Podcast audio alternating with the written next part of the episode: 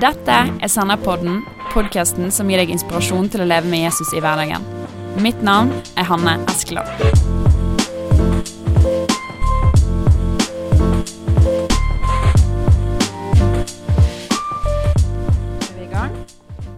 I dag så er jeg i Trondheim igjen.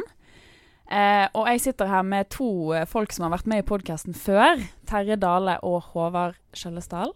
Hei, hei. Hei, hei. hei. Hallo. Det er kjekt at dere vi er her igjen. Ja, takk for det. Dere. Eh, vi skal snakke om noe uh, som er, jeg i hvert fall syns er veldig spennende. Fordi at nå på Sennep så Sennep.nett, altså. Så eh, lanserer vi et nytt tema, hovedtema for nettsiden, som vi kaller Grunnvollen. Og for de av dere som har fulgt med, så har vi egentlig siden starten av sennep.nett hatt ute noe lydopptak og noe undervisning om det vi kaller Grunnvollen. Men nå er altså denne serien komplett, så vi har litt sånn ekstra fokus på det. Eh, så, men før vi går i gang med å snakke om dette her, eh, folkens, så må dere si litt om dere sjøl til de som kanskje ikke har hørt på tidligere podcaster, eller ikke vet helt hvem dere er.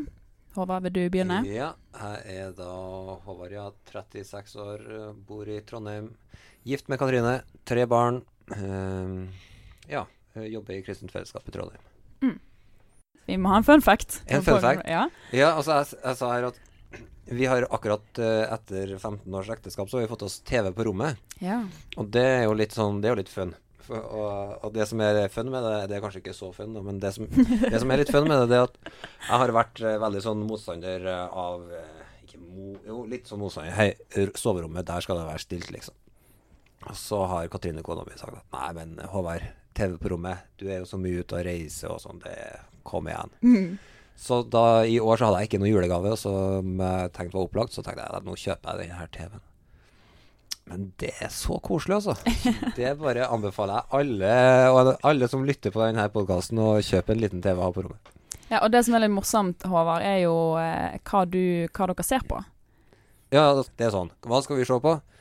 Og så liker vi ikke skumle ting og sånn. Og så, og så sier Katrine det beste er å sovne med et smil rundt munnen. Så da har vi Vi ser Friends. Det, det liksom det. Så det er jo sånn Hvor mange sesonger, jeg vet ikke, men nå er vi liksom gjennom, snart gjennom alt for andre gang. Ja. Mm. Så det Ja, så nå, eh, nå er, er alle våre lyttere litt bedre kjent med dine sånn serievaner. Det, det er bra. Så jeg anbefaler alle få TV på rommet. Se Friends. Så sovner du med et smil rundt munnen. Og Terje, du òg må si litt om deg sjøl. Ja, jeg heter Terje og bor også i Trondheim. Gift med Lise og har tre barn og seks barnebarn. Det er fantastisk. Ja. Og så har jeg bodd mye av livet mitt i Nord-Norge og blitt prega av det. Og syns det er fantastisk å være tilbake i Trondheim, da. Ja. Og reise rundt i Norge og forkynne Ja. om Jesus. Vi må ha en liten fun fact fra deg òg, for det tror jeg kanskje ikke vi har hatt i podkasten her før. Jeg vet ikke om det har med alderen å gjøre, da, men eh, jeg vokste opp i, sant, på fjellet oppe på Oppdal, og der var det liksom en kultur med mat som vises på meg òg at jeg er glad i. Og så har jeg de siste åra fått en veldig interesse for flatbrød. Ja. Så nå driver vi og kjøper alle mulige typer flatbrød på ulike sånne Bondens marked og sånne messer og sånn. Og jeg har passert 40 typer, og har en sånn range rangering av eh, topp 10, da. Som er kjempeartig. Ja, og det, jeg, tror aldri, jeg tror ikke jeg kjenner noen andre som har en sånn interesse. Så Hva det, er den beste? Det er liksom mitt spørsmål. Ja. Jo, det er Kvikne sin tynnutgave av flatbrød. Den har er topp 10, altså. Den kom kjapt. Ja. Du vet. Absolutt. Så jeg kjøpte en femkiloseske eh, her i fjor sommer, og de var så glad. Ja. Så hadde jeg aldri solgt privat, en privatperson fem kilo flatbrød før, men det gjorde de da i fjor. ja. Du har vært med å velsigne de. Det er ganske mye, det, for det er ganske tynt. ikke? Ja, det er svær eske. Ja. Nei, men og da eh, er vi jo litt bedre kjent med hvem dere er.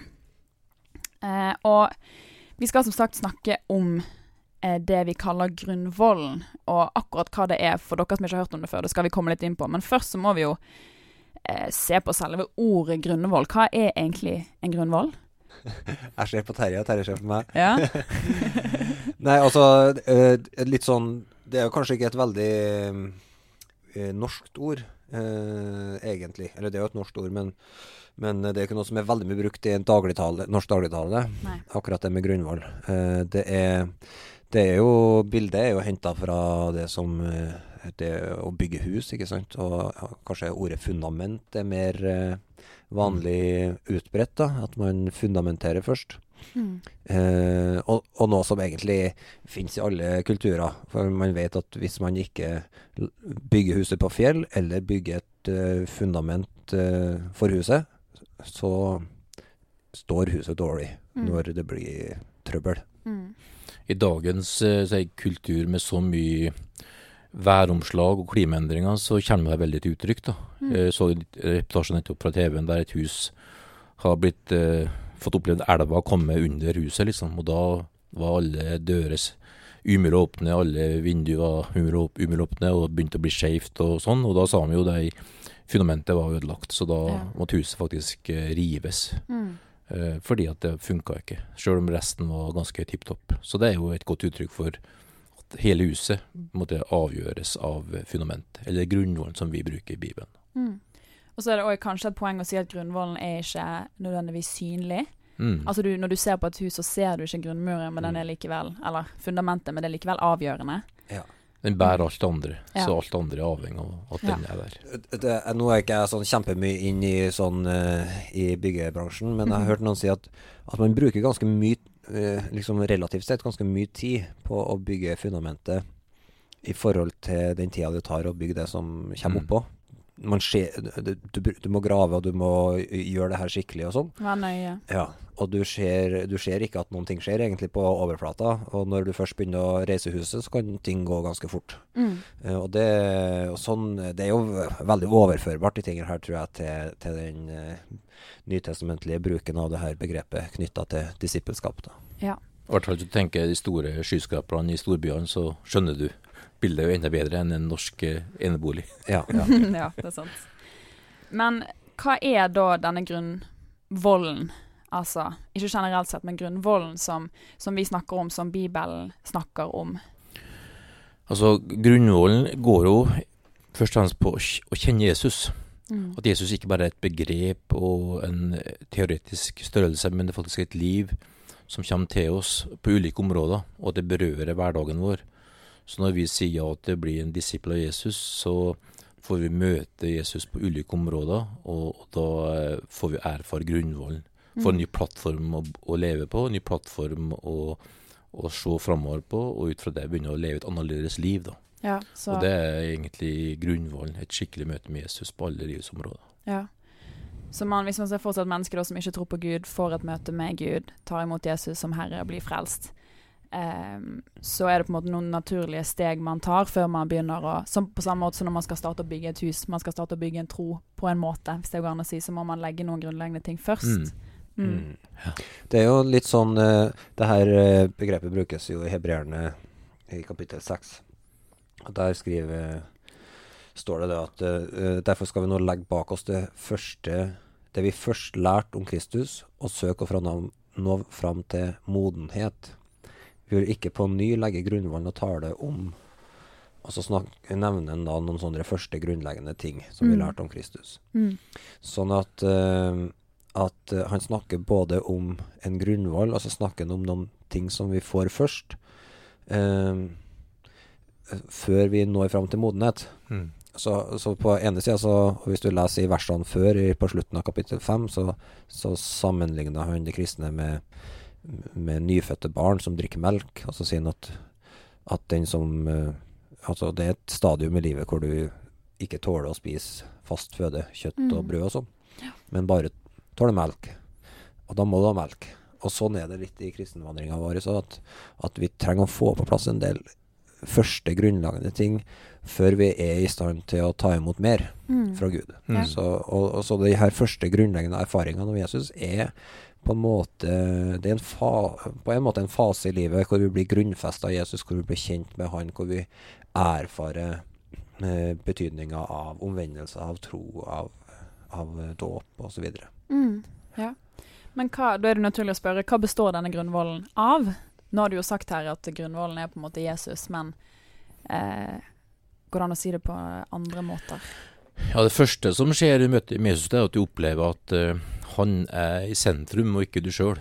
Det er en stor oppdagelse ja. for mange av oss, eh, og det er det Bibelen kaller for omvendelse.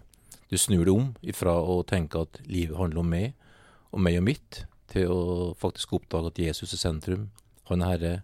Han er dødd og stått opp fra døde, og han eh, har krav på livet ditt, for han har skapt det. Mm. Og du bøyer deg for han, og det blir sentrum. Og endrer kurs. Ja. Og så kommer da det fellesskapet han inviterer oss til, til å vandre med han i et fellesskap og tillit til han, som da blir tro på Gud.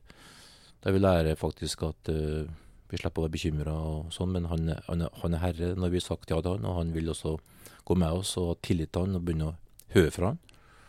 Og så kommer den tredje biten, uh, som er dåp i vann, som da er en respons når vi skjønner at faktisk uh, han er herre, og vi vil ikke lenger le for oss sjøl. Da sier vi jeg er ferdig med mitt gamle, og det å leve med min egen eh, med meg sjøl som sjef, sjef. Og da blir vi begravd, som Bibelen bruker. Altså, vi går faktisk ut i vannet Mm. og blir dyppes under vannet. Og det er en begravelse. Og så står vi opp til et nytt liv, Mm. der Jesus eh, er herre i livet vårt. Og da gjør Gud noe i livet vårt som eh, gjør at vi får ny frihet Mm. fra det gamle, og vi kan si at Jesus helt og fullt. Altså, Bibelen bruker jo ganske sånn eh, litt sånn eh, hva skal jeg si, dramatiske ord Absolutt. for å beskrive de tingene her. For eksempel så sier Paulus at, at vi er fridd ut fra mørkets makt og satt over i han elsk, hans elskede sønns rike, mm. i Kolossebrevet igjen. Og det er jo en sånn, altså Han beskriver jo en overgang fra, fra en tilstand til en ny tilstand, som er veldig radikal. da. Mm. Så når vi snakker om omvendelse, tro, om eh, dåp i vann og blir fylt av Den hellige ånd, så, så bruker Bibelen sånne Altså det er snakk om en ny fødsel, et, eh, bli borger av et nytt rike, bli en ny skapning. Mm. Eh, så det er en ganske sånn stor eh, I de tingene her så ligger det en veldig stor eh, hva skal jeg si, åndelig forandring. Da. Mm. Eh, Det er en vi- overgang. Ja, det er en overgang. Mm. Der, eh, der på en måte forholdet vårt til synd forandrer seg, forholdet vårt til, til hva slags mål og retning for livet. ikke sant? I, i, hebreerbrevene så leser vi jo at, eh, at det, det er snakk om eh, de, de første grunnleggende tingene handler om oppstandelse fra de døde, om evig dom. Mm. Så det handler om hva er det, hva er det håpet som Eller retningen for livet mitt. Eh, hva er meninga med livet? Eh, hvor skal jeg hen? Hvor kommer jeg fra? Eh, og, og det her, sant, det her er ting som, eh, som samfunnet vårt og rundt oss hele tida eh, diskuterer. Folk har en, en eller annen oppfatning om det, men Mm. mens Bibelen sier at det fins en fast fundament for hvor kommer jeg fra, hvor skal jeg, hva er meninga med livet, hva er Guds plan for mennesket, for uh, verden. Alt det her ligger på en måte i det her fundamentet for kristenlivet. Mm. eh, der du blir ferdig med deg sjøl og får et nytt liv, og så får du jo en ny retning for livet og en ny historie. Der, sånn som vi begraver med Kristus, det betyr at historien min er, har fått en sluttstrek. Det var før og etter Jesus Mm. i livet mitt. Ja. For det her en helt annen enn den her mentale aksepten av Jesus som vi er vant med i Norge. Og bare, hvis Ja. vi mentalt aksepterer at Jesus eh, døde for mine synder, så er det liksom kristen. Mm. Så, men når Jesus møtte Nikodemus eh, i Johannes eh, 3, så eh, sier han at du må bli født på ny. Ja. Og han skjønner jo ikke bæret. Han sier jeg er voksen mann, og jeg kan Mm. ikke komme inn i, i et svangerskap nå med livmor og greier, og han blir helt sjokkert. Mm. Og skjønner ikke bæret. Det er litt sånn i dag òg. Ja. At uh, faktisk er det radikale ting Jesus snakker om, Mm. og som vi tror på når det er snakk om å følge Jesus, som uh, er like relevant i dag som det var for 2000 år siden. Ja. Det er mer en mental aksept av en læresetning. Ja. En ny fødsel og et nytt liv. For Ny retning. praktiske uttrykk i livet. Ja. Mm. Men så for å på en måte oppsummere de tingene dere har vært innom nå, da, så er det i hovedsak syv punkter. Eller altså det er omvendelse og tro og dåp i vann og i Den hellige ånd, og så er det håndspåleggelse. Jeg vet ikke om vi var innom det, men også er det de dødes oppstandelse, og så er det evig dom. Mm. Som er på en måte de Altså, hvis du skal oppsummere Det er det eh, som Hebreerne innholdet. 6 eh, i hvert fall oppsummerer som de første grunnleggende tingene vi ja, om Kristus. ja, det er det Bibelen ja. Og som du da òg finner igjen flere steder i, i Guds ord. Mm. Så når vi snakker om håndspåleggelse her, i denne sammenhengen, så, så er jo det knytta til at, uh, at vi lærer å kjenne Jesus gjennom håndspåleggelse. Mm. Så det betyr jeg forholder meg til Jesus gjennom andre mennesker.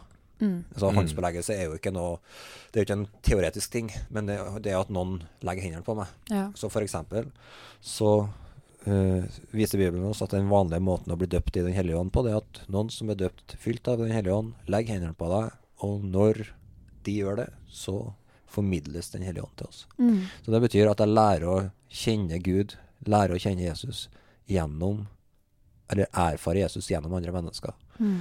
Uh, det, det handler om menighetsliv, det handler om, uh, om det å erfare at du er en del av Guds familie. Ja, vi er kropp. Jesu kropp. Jesu kropp. Mm. Mm.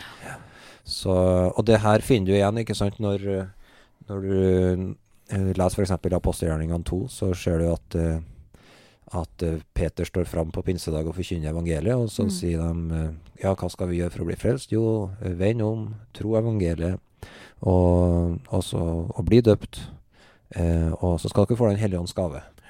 Og så, og, og så sier han at Og så står det bare kommentert at du eh, alle som ble døpt, de ble lagt til menigheten. ikke sant? Så, det, Mm. så den er, det her er en erfaring. Det er ikke, en, det er ikke, det er ikke sånn at de når de, Peter sa ikke hei, ja, dere skal få sette dere ned og skal dere få sju undervisninger om kristne emner som Mm. dere skal kunne gjenta, på en måte. Men det Mm. var nei, kom igjen. Her, er Jesus. Mm. Vend om. Ta imot han. Tro på han. Følg han i, i dåpsgrava. Bli fylt av hans kraft. Erfar hans menighet. Sånn at det, er- det er en veldig praktisk erfaring av Jesus. Eh, Mm. som måte for at vi skal få et solid fundert kristenliv. Det er ikke bare et kurs man må gjennom. Nei, det her er jo ordentligere sånn eh, motkultur i forhold til at vi er vant med å forstå ting. Ja. Da tror vi at vi lever det. Intellektuelt. Ja, sant, sånn du består en eksamen og du har skjønt pensum, Mm. men derimot få gjort det og gjøre jobben, det er ikke det samme. Nei. Eh, som, og det ser vi jo når Jesus selv underviser jo i Matteus 7, så sier han jo at en ting er å høre alt de sier. Det sier han på, på slutten av bergpreken, der han har lagt ut en skikkelig runde. Og sier men skal du virkelig lykkes og ikke oppleve at livet ditt kollapser, Mm. så må du gjøre det som jeg sier. Ja. Og det er jo det vi inviterer til. Gi Ja. en respons til Jesus, og erfar det, og så vil du få et fundament som står i livet. Mm. Som tåler motgang og medgang, uten å kollapse. Ja. Eh, og når vi hører at dere snakker om dette her, så er det jo tydelig at dere har fått erfare grunnvollen sjøl. Dere har jo på en måte Det høres i hvert fall for meg høres det ut som dere har fått oppleve dette sjøl, at det ikke kun er på en måte på et teoretisk plan. Og da lurer jeg litt på hva, hva grunnvollen betydde for dere personlig. Eh, ja. Altså, jeg har jo vært så heldig å vokse opp i en god kristen familie og fått lært om Jesus og Gud og alt det der i oppveksten, samtidig som at jeg hadde en del erfaringer med mobbing og andre ting som skapte en del trøbbel, og opplevelser av å være ut, utenfor og, og alene og sjølmedlidenhet og greier. Og så møtte jeg da som 22-åring denne forkynnelsen her om eh, grunnvollen som skapte en hunger og samtidig en sånn usikkerhet, for det var liksom ikke innenfor den bakgrunnen jeg var vant med den lutherske kirka og sånn. Og så Mm. jobba jeg med det her, men eh, jeg sa ja, det her er Jesus, og ble døpt da som 22-åring i vann og hellig ånd. Og det var eh, faktisk en erfaring om Jesus som har merka meg resten av livet. Jeg fikk eh, lagt av eh, hele sjømelidenhet-greia. Bare oppleve det gamle, da, erfaringer som prøvde å gjen, så gjenta meg og, og innta meg forsvant, og jeg fikk stå opp og, fra den, den dåpsgrava der i en opplevelse av at jeg er en ny skapning, jeg er rettferdig, Gud er for meg, Mm. framtida for, ligger foran meg. Og det var en erfaring av, av kraft av Den hellige ånd som gjorde at eh, jeg fikk lyst til å be og lese Bibelen, og det var en helt ny, et nytt liv, for å, si det sånn. Jeg bruker å bruke det bildet her at eh, en tolvtommers uh, svart-hvitt-TV viser det samme som 70-tommers farge-TV, men det er en helt annen erfaring. Mm. Og det var for meg en opplevelse som uh, bare satte nytt, ny fart i hele livet mitt, og det var bare fantastisk. Mm. Altså, en, en side som, er, som kommer til meg når du stiller spørsmålet, det er jo det at, eh, at eh, grunnvollen er noe som vi erfarer hver dag. Ja. Eh, og eksempel omvendelse. Eh, det, det er jo, eh, vi vender jo om sånn grunnleggende sett når vi tar imot Jesus som Herre, så har vi en første omvendelse. Mm. Men fortsatt så er jo det noe som vi lever i hver dag. Ja. Og, og når vi ser på Hvis vi tenker at det her òg er noe som vi lærer hos Jesus, så er jo det, det hele den sida av å leve eh, også omvendelse handler om å leve vendt mot Gud på en sånn måte at vi Altså omvendelse er en måte å leve på som gjør at vi ikke synder. Mm. At vi velger Guds vei. Og når, eller når man synder, Mm. så kommer omvendelsen inn og bringer oss tilbake Ja. eh, til, til på en måte Jesu herredømme og, og, og Mm. den vandringa med Gud. Eh, så, sånn at eh, Eller du kan ta hele sida av tro, eh, tro på Gud. At Å ha en daglig vandring der vi ikke bygger livet vårt på alt vi sjøl kan få til, men vi har festa blikket på Jesus og Ja. henter hele tida troa, motivasjonen, drar det fra Han. Mm. Eh, dåpen i Den hellige ånd er en erfaring av at eh, vi, vi, vi er født ovenfra. Vi trenger eh, vi, Gud har gitt oss en kilde med, med levende vann som veller fram. Og Mm. dåpen i Den hellige ånd er en engangshendelse, men det er jo ingen vits i den hvis man ikke blir fylt. Ja. Og, og lære seg å drikke av Den hellige ånd. Mm. Og lære seg å leve et liv der vi vet at, at eh, uten Jesus så eh, uten Jesus hver dag så har vi ingenting å, eh, å komme med, på en måte. Mm. Eller å stille opp med i, i møte med, med synd, utfordring og svakhet. Men, men du er Altså dåpen i Den hellige ånd bringer oss til en eh, erkjennelse av svakhet, da, som gjør at vi hele tida trenger å komme til Jesus for å bli fornya, forfriska. Mm. Uh, ja.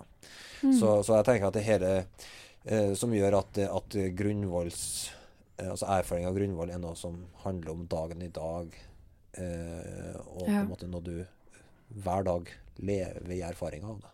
ja. Mm.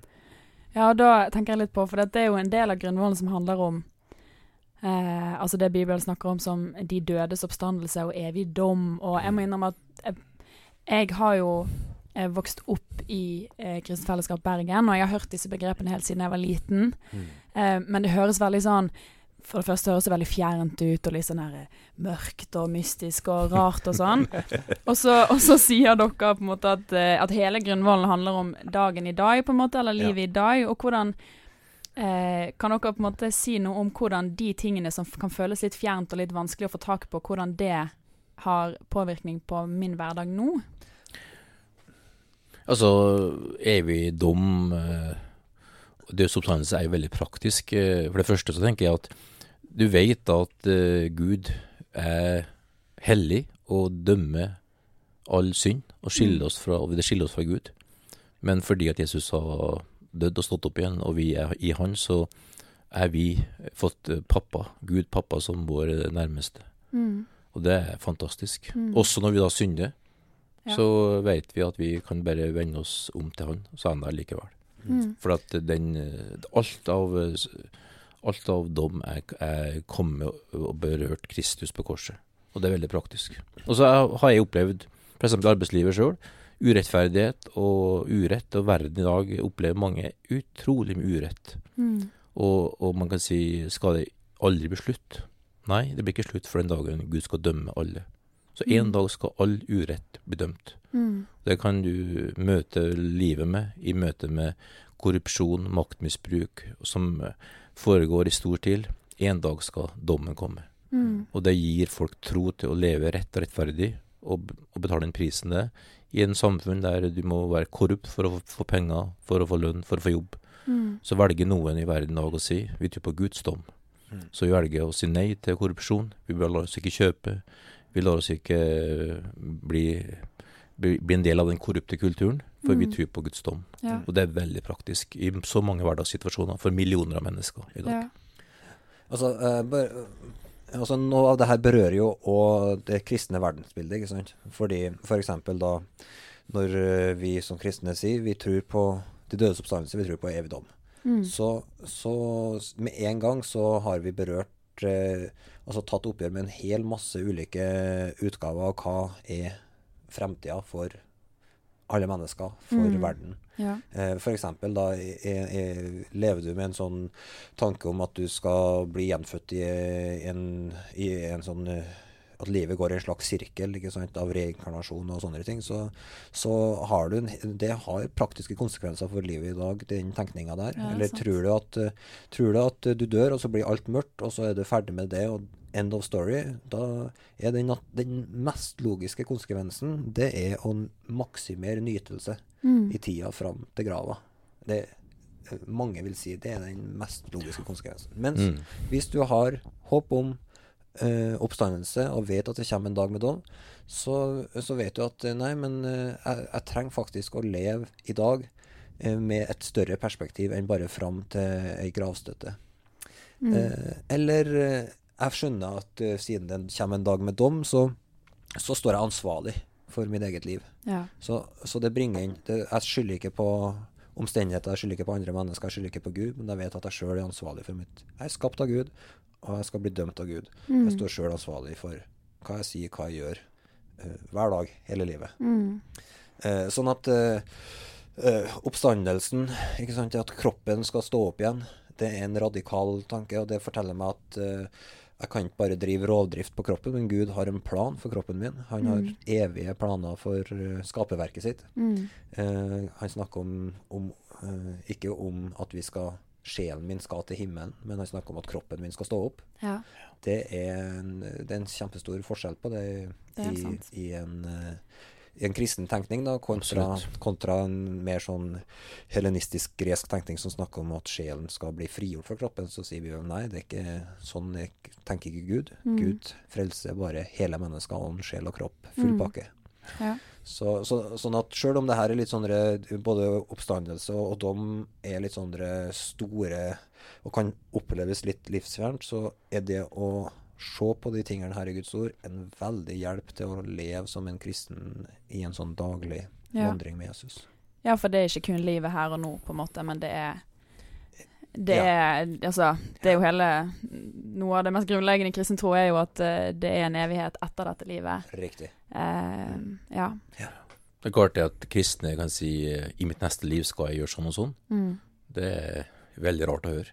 Mm. For tror du på kristen verdensbilde, som Håvard sier, så tenker du helt annerledes på alt. Og det berører alle valg hele tida i livet ditt. Så det er utrolig grunnleggende og viktig å Ja. ha med seg inn i alle hverdagssituasjoner. Mm. Og jeg må bare si, altså Det er mye vi kan si om dette her, men, men hvis du ble veldig nysgjerrig nå, og, og du merker at dette kunne jeg veldig lite om, så fins det altså tekster, og det fins annen undervisning på Sennep som på en måte kan utdype disse ulike sidene av Grunnvollen mer enn det vi har tid til å gå inn på nå. Så hvis du, hvis du sitter nå med veldig mange spørsmål, så kan du altså finne svar på de på andre, andre plasser på sennep.nett. Det er viktig å si. Um, og så uh, lurer jeg på eh, Må man ha Grunnvollen på en måte på plass? Må man ha disse tingene i livet? En forståelse en opplevelse av dette her før man kan begynne å modnes og gå videre på en måte til andre ting i troen? Vanskelig spørsmål, kanskje? Du vet, eh, vi er frelst eh, og blitt kristen ved å få en relasjon til Jesus. Og den relasjonen er jo en, et fellesskap med, med han og med folk, menigheten, andre som tror på han. Og i den vandringa der så møter vi jo oss sjøl, vår egen historie og vår bakgrunn eh, til fulle. Og da kommer Jesus oss i møte og sier nå kan du få plass på, til grunnvollen. La oss si typisk eh, Typisk da et eksempel eh, som jeg sjøl opplevde, da, med sjølmedlidenhet. Mm. Der jeg syns livet var ganske kjipt og urettferdig, og opplevde at eh, livet ikke var det jeg hadde hoppet på. Og at du var et offer? Ja, måte, et offer offer for eh, andres uh, sterke menneskers uh, valg gjennom at jeg var mobba i barndommen og sånn. Da møtte jeg grunnvollen med at jeg måtte hanse for eget liv. Jeg kunne ikke bestemme hva jeg møtte, men jeg måtte bestemme hvordan jeg møtte det. Og for meg å møte det var en utrolig sterk eh, greie, for jeg tenkte det er ikke sånn jeg følte sånn, og jeg har opplevd så mye banking og alt det der. Men da var det, var det grunnvollen kom på plass, hjalp meg til å, å si jeg er ferdig med sjøl- sjølmedlidenhet. Jeg er ferdig med å bli et offer for andres valg. Jeg kan bestemme meg sjøl. Og da, da lærte jeg det underveis, da. Eh, Og da kom den delen av grunnvollen, eller den delen av Jesuslivet, på plass. Som, og det var mange år etter at jeg ble kristen sjøl. Så, så jeg tror at det her er Guds nåde. Vi møter ting i livet. Vi kan møte eh, motstand, vi kan møte suksess. Og så blir vi stolt og stor på oss sjøl. Og så kommer en bror eller en søster i menigheten og sier 'hallo'. Tror du at det er du som har fortjent det, eller er det kanskje Gud som har vært her og gitt deg en, en velsignelse? Slik at vi eh, skjønner at, eh, at det her ikke er noe som du enten har eller ikke har, men som Håvard sa Mm. tidligere, det er noe vi lever. Ja. Og som kommer til oss gjennom eh, at vi leser Bibelen, har fellesskap med Gud der, og at vi møter søsken. Mm. Sånn som, den, som vi snakker om daglig omvendelse. Du blir aldri ferdig med å bli en disippel. Jeg er jo snart 60 år og eh, har levd med Jesus lenge, men den daglige vandringa med Jesus i ydmykhet sammen med søsken er en erfaring av grunnvollen som du gjør hele tida. ja. Og det er fantastisk. Det er ikke bare, det er ikke bare bokser som du kan tikke av på veien. Nei. Nei. Ehm, har dere noe mer dere vil uh, legge til? Noe usagt før vi avslutter? Ja, altså, en ting som jeg har tenkt litt på når jeg visste at jeg skulle i denne uh, samtalen, det var det at, uh, at eh, når, når Bibelen beskriver denne grunnvollen en del steder, så snakker en om eh, så det så Både i Johannes' åpenbaring og i, i første Korinterbrev 3 og sånn, så, så er det med en gang snakk om uh, gull, sølv og edelstener Mm. uh, som er knytta til det her at, uh, at Gud holder på å bygge noen ting i verden og i livene våre som har, evig, har evige kvaliteter i seg. Materialer som, som, Som- blir stående. Som blir stående, ikke sant. Mm. Mm. Eh, sånn at eh, Og det, det tenker jeg Det er jo en sånn Jeg, syns det er litt sånn det er interessant side, da, hvis jeg kan si det sånn, ved det Gud gjør. At han faktisk allerede nå inviterer oss til å være med å bygge ting som har en evig verdi ved seg. Mm. Og han sier hei, folkens, dere er født på ny til et evig liv. Bygg livet med sånne e evige byggeklosser Mm. som gjør at, uh, at dere kan bygge et liv som uh, er sterkere enn sterkere enn uh, dødens makt og, og forgjengeligheten og alt det her. Mm. Sånn at Gud er opptatt av å forme oss nå med tanke på evigheten. Det, jeg, det er ganske motiverende å tenke på at, uh, at Gud gjør ting i oss nå som med tanke på at han har en ev, evig plan for oss. Mm. Det går på personen vår, det går på karakteren vår, det går på Ja.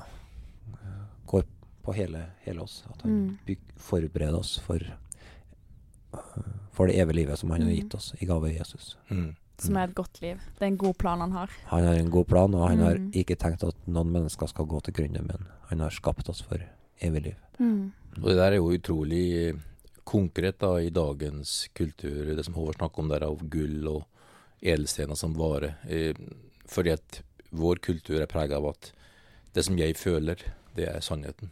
Mm. Og så blir man en kasteball for følelser, kortsiktige valg og Mm. impulser her og nå som tar bare samlivsrelasjoner, ekteskap, som egentlig vi blir en slave av og hele tida føler godt, og vi må ha det godt Mm. i stedet for å leve rett og tenke langsiktig.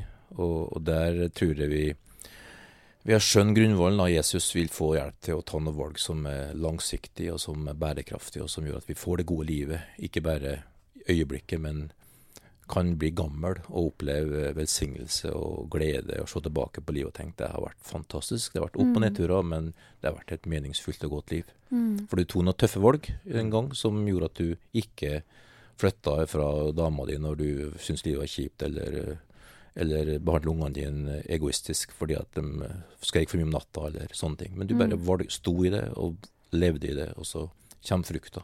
Ja. Mm.